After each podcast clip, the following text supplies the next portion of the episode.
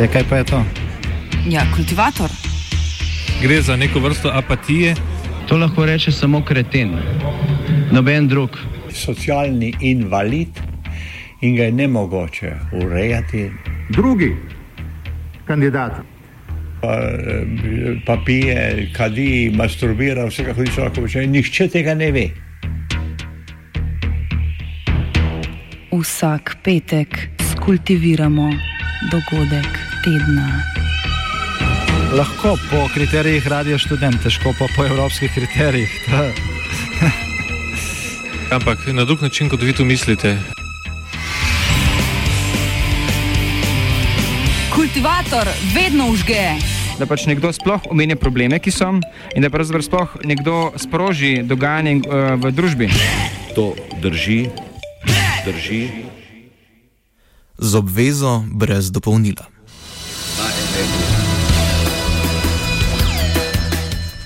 Etapno predstavljanje zdravstvene reforme se je včeraj ustavilo pri eni njenih ključnih točk. Ministrica za zdravje Milojka Kolar Celarc je javnosti razgrnila ključne povdarke predloga zakona o var zdravstvenem varstvu in zdravstvenem zavarovanju, ki pomembno spreminja financiranje zdravstvene blagajne. Kot je predlagano, se po 24 letih, kolikor jih šteje aktualni zakon, obeta odprava dopolnilnega zdravstvenega zavarovanja, storitve, ki bodo ostale v enakem obsegu, pa bodo financirane s solidarnostjo koncipiranim obveznim zdravstvenim nadomestilom. Z odpravo dopolnilnega zavarovanja se bo okrepila vloga že zdaj osrednjega Zavoda za zdravstveno zavarovanje Slovenije, krajše ZZZS, ki dobiva dodatne pristojnosti. Zakonski predlog pa posega tudi v bolniške izostanke, nadomestila in druge pravice.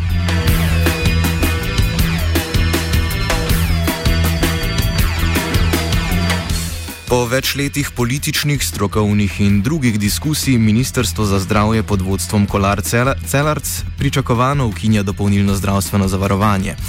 Na mesto njega prihaja zdravstveno nadomestilo, ki vključuje vse prebivalce Slovenije. Plačilo bo odmerjeno progresivno glede na bruto dohodek posameznika. Pri tem ne bo štev le aktivni bruto dohodek posameznika oziroma višina mesečne plače, kot se posplošeno poroča, pač pa tudi pasivni prejemki. Vlasta Kovačič Mežek z Ministrstva za zdravje, ki je sodelovala pri pripravi predloga zakona.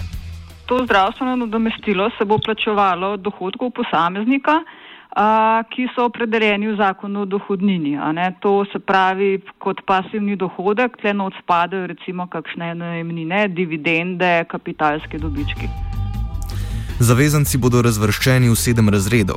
Tisti z najnižjimi dohodki, torej v višini minimalne plače ali manj, bodo plačevali 20 evrov. Tisti z najvišjimi, to je v obsegu petkratnika poprečne plače, pa 75 evrov mesečno. Slednjih je dobrih 5200, tistih, ki bi padli v prvi razred, pa slabih 750 tisoč. Ali če se poigramo še s procenti, zadnji tri razredi z najvišjimi dohodki obsegajo 3,5 odstotka upravičencev, prvi razred z najnižjimi prejemki pa 46,5 odstotkov. Mnogi v tem razredu ne bodo dosegli niti minimalne plače ali pa so celo brez dohodkov. Za nje se, kot pojasnjuje Kovačič Mežek, ne bo spremenilo nič. Staja enako uh, in tudi recimo uh, to, kar je zdaj uh, povračala država oziroma ki je plačevala a, tole dopolnitev oziroma doplačila do polne vrednosti storitev. A, sedaj vse osebe, ki pač imajo to a, a, odločbo Centra za socialno delo, a, bo to, se pravi, po novem zdravstveno nadomestilo plačevala država. V Novi Sloveniji v progresivno zastavljenem zavarovanju, ki v okviru prispevnih stopenj po njihovem obstaja že v aktualni ureditvi, vidijo populističen ukrep zdravstvene ministrice, poslanec NSI Jrnej Vrtovec. Mi imamo že zdaj eh, v okviru obveznega zdravstvenega zavarovanja različne prispevne stopnje, oziroma tisti, ki imajo večje dohodke, plačujejo več. Ne, v bistvu, uh, za zdravstveno zavarovanje se pravi eno prispevno stopnjo, ampak tisti, ki imajo večjo plačo, plačujejo več za zdravstveno zavarovanje, tisti, ki imajo manjšo plačo, pa plačujejo manj ne, v skupno zdravstveno blagajno. Uh, to imamo že zdaj urejeno in mislim, da pri tem dodatnem zavarovanju je zdaj to, oziroma ki zdaj postane obvezno zavarovanje, je zdaj, zdaj le to ta progresija, kar populističen, populističen projekt ministrice, no? uh, ki pa nič kaj dobrega ne pomeni in lahko samo pričakujemo, da bo vlada prišla s kakšnim predlogom, um, za kakšne druge oblike zavarovanj, bodi si avtomobilsko zavarovanje za to vrstno progresivno lestvico, če malce karikiram. Gre za to, da potem lahko na vseh nivojih začnemo s progresivnimi lestvicami, ki pa ne spodbujajo konkurenčnosti. Po drugi plati Marko Kržan, strokovni sodelavec Združene levice, pozdravlja predlagano progresijo plačevanja prispevka, a verjame, da še obstaja prostor za izboljšave. Uh, mi podpiramo to, da je lestvica progresivna. Dejansko je Združena levica edino od začetka zahtevala, ne, da mora biti ta nova dajatev solidarna, ker še tja nekje do junija 2015 uh, ministrica to omenila kot eno od možnosti. Ne. Tako da smo glede tega načeloma lahko zadovoljni. Dejstvo pa je, da bi lahko ali pa morala biti ta stopna še, še bolj progresivna. Um, ampak, gledajte, kaj pričakujete od vlade, ki je v tem mandatu recimo dvakrat znižala dohodnino za 10 odstotkov najbolje plačenih um, prebivalcev. Ne? Tako da z tega vidika je treba reči, ko, če bo res 80% ljudi plačevalo manj in bomo dobili na račun pač uh, tega, da se odpravijo provizije komercialnih zavarovalnic 60 milijonov za dodatne zdravstvene storitve, potem je to absolutno v javnem interesu. Drug pomemben ukrep so poenotene prispevne stopnje. Na mesto sedanjih 11 stopenj bodo te poenotili na 3. Prispevni stopni delodajalcev in delojemalcev ostajata in v enaki višini, za upokojence pa se bo povišala. Slednjo sicer plačuje državni proračun.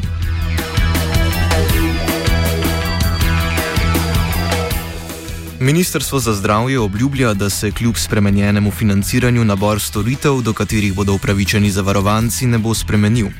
Po drugi strani pa se nabor izločenih zdravstvenih storitev, ki jih zavarovanje več ne bi krilo, širi z trenutnih 9 na predlaganih 17, med drugim za medicinske zaplete, ki so nastali kot posledica uveljavljanja zdravstvenih storitev izven mreže javne zdravstvene službe in zdravstvene storitve, ki so posledica ozdravljanja bolezni, ki neposredno izhaja iz opustitve obveznega cepljenja. Tako imenovana košarica zdravstvenih storitev bi bila po novem opredeljena zakonsko in ne v pravilniku, kot je trenutno trenutno v veljavi. Ker so pravice urejene v zakonu in ne več v pravilih obveznega zdravstvenega zavarovanja kot doslej, je uh, možno njeno spreminjanje samo s premembo tega zakona. Se pravi, če bi nastala potreba, da se košarica spremeni, se to lahko zgodi samo, če se spremeni zakon. Kržan ohranitve obsega pravic po pravni sistematizaciji ne vidi kot samoumevne. Vprašali smo ga, ali nova ureditev pomeni tudi lažjo morebitno spremembo košarice pravic v prihodnosti. Tukaj je zdaj odgovor na to vprašanje je pač uh, odvisen od tega, ali bolj zaupate uh, skupščini zbrani predstavnikov sindikatov, upokojencev in uh, tudi nosilcev kapitala v zavodu, ali bolj zaupate pač uh, državnemu zboru. Ne? In jaz v resnici bi se težko odločil ne, v tej izbiri, vsekakor ne bi dal prednosti državnemu zboru. Um, zdaj, formalni razlog, zakaj to počnejo, je pač odločitev, odločba ustavnega sodišča, da je to stvar, ki mora biti v zakonu določena. Ne? In zdaj ena od pozitivnih posledic bi lahko bila ta, da se omeji zavod, ne? ki je imel prej dokaj velik manevrski prostor, da omejuje in se verjetno spomnite, naprimer, pravico do zdraviliškega zdravljenja ali pa bila je zdaj decembra ideja, da bi zaračunavali kontracepcijo. Um, verjetno bi to šlo teže skozi, ne? ampak ni pa, ni, pa, ni pa to seveda nobeno jamstvo, da, ima, da, zdaj, uh, da bo zdaj stvar pač določena v, v zakonu. Zavarovalnice, ki nudijo dopolnilno zdravstveno zavarovanje, nad predlagano ureditvijo kako pač niso pretirano navdušene. Maja Krumberger iz Slovenskega zavarovalnega združenja pojasni pomen aktualne ureditve za sektor. Dopolnilne zdravstvene zavarovanja predstavljajo nekje med 96 in 97 odstotki celotne zbrane premije v zavarovalni vrsti zdravstvenih zavarovanj. To pomeni, da obe specializirani zdravstveni zavarovalnici ki delate samo zdravstvene zavarovanja, pač dopolnilne zdravstvene zavarovanja predstavljajo tak delež. V celotnem sistemu zdravstvenih zavarovanj pri vseh treh zavarovalnicah pa dela približno 500 ljudi.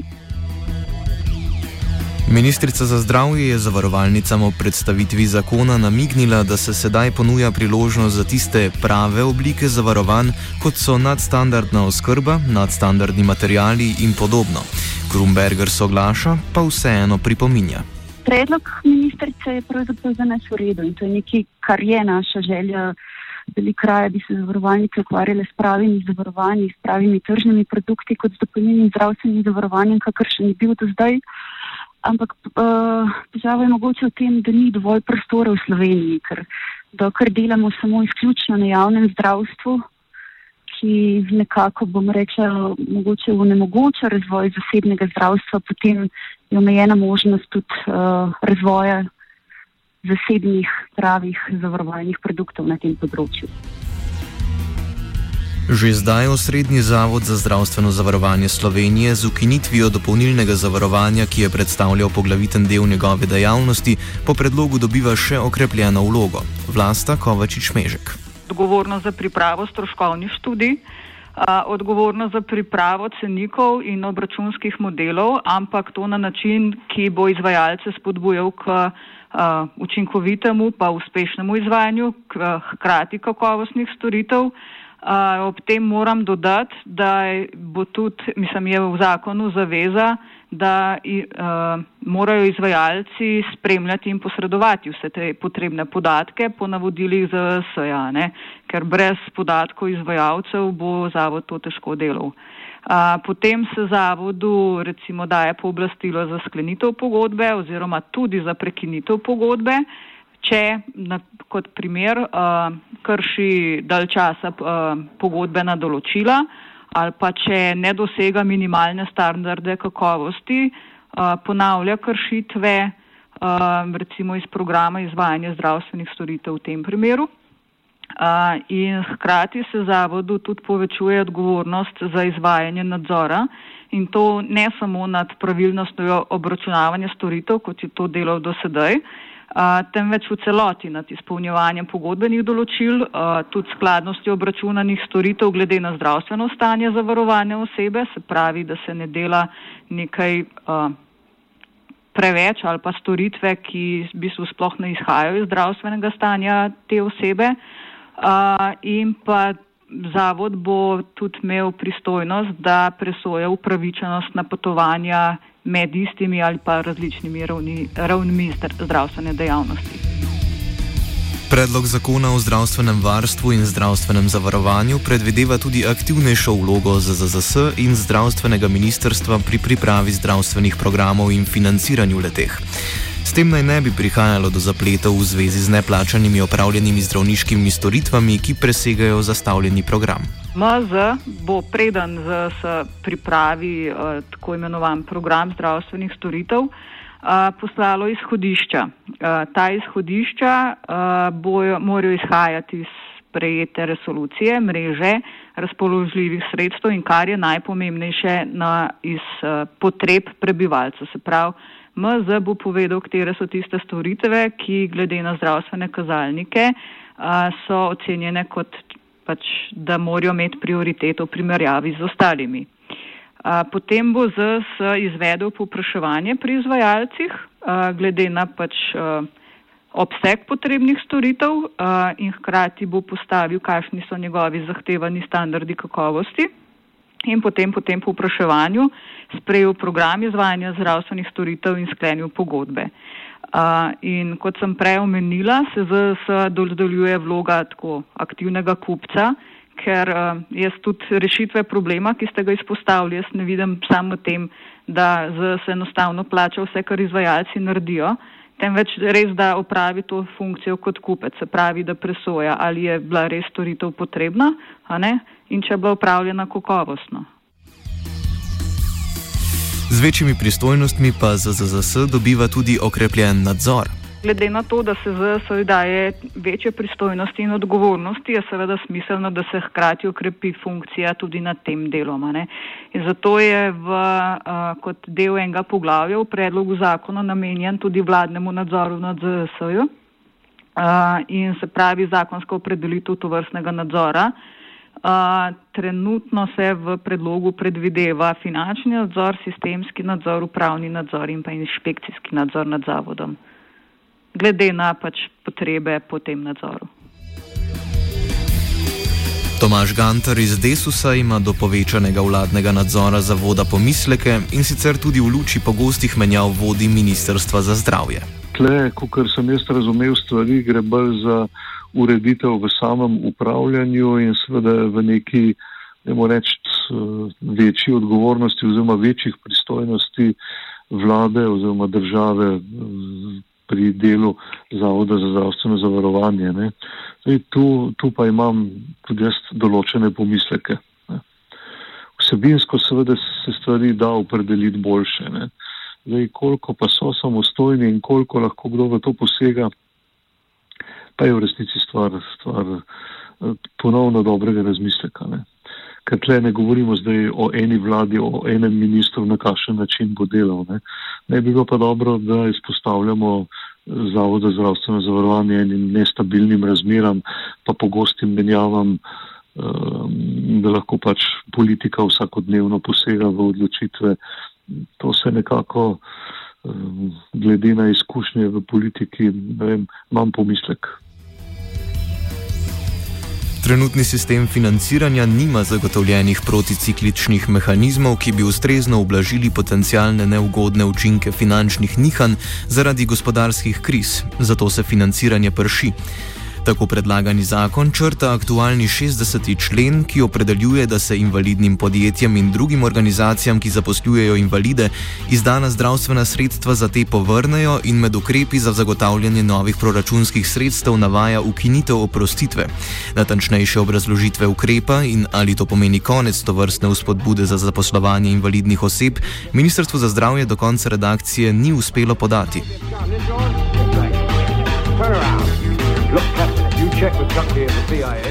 Ena izmed večjih sprememb, ki jih uvaja novi predlog, je tudi časovna omejitev trajanja bolniškega dopusta in sicer na eno leto brez prekinitve oziroma 18 mesecev s prekinitvami.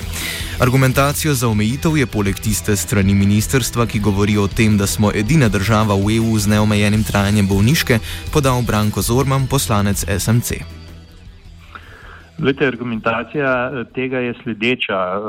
Eh, vemo, imamo primere, kjer bolniške trajajo celo po več let, uh, s tem, da določeni ta sistem tudi, kako bi rekel, izkoristijo, seveda, uh, naprimer so na bolniški in dalj časa in potem preden bi, naprimer, mogli uh, priditi uh, na komisijo, ki bi ocenila, ali je ta bolniška odsotnost upravičena, pridejo, naprimer, nazaj na delovno mesto, se vrnejo za dan, dva, pa zopet potem. Uh, in tako to uspejo verižiti uh, tudi po, uh, po več let.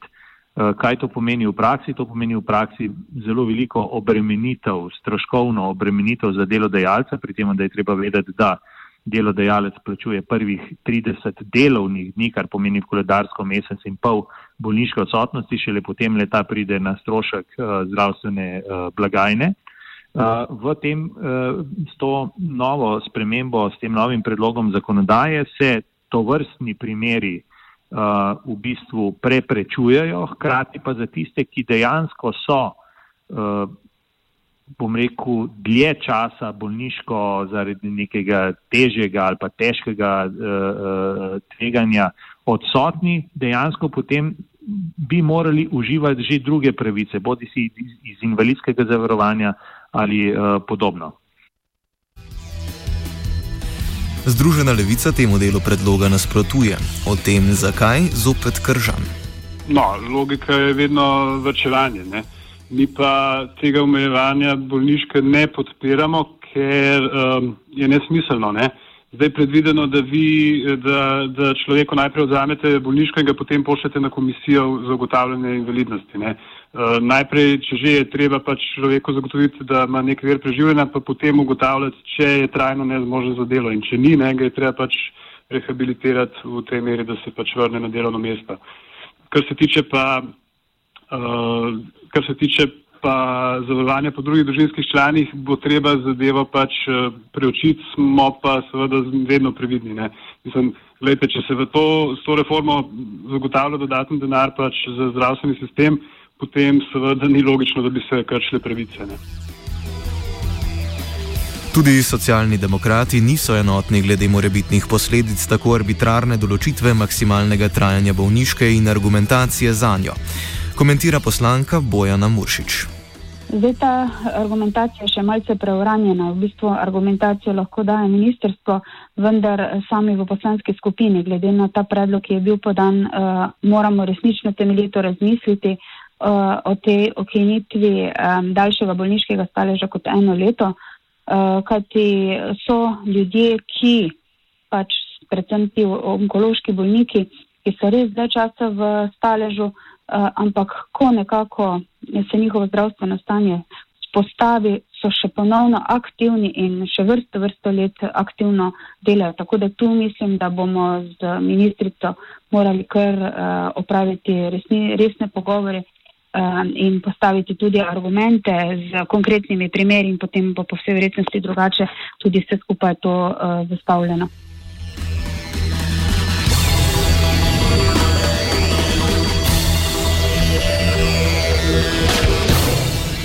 Kultivirali so Marcen, Jankovič in večni vajenec Vitežnik.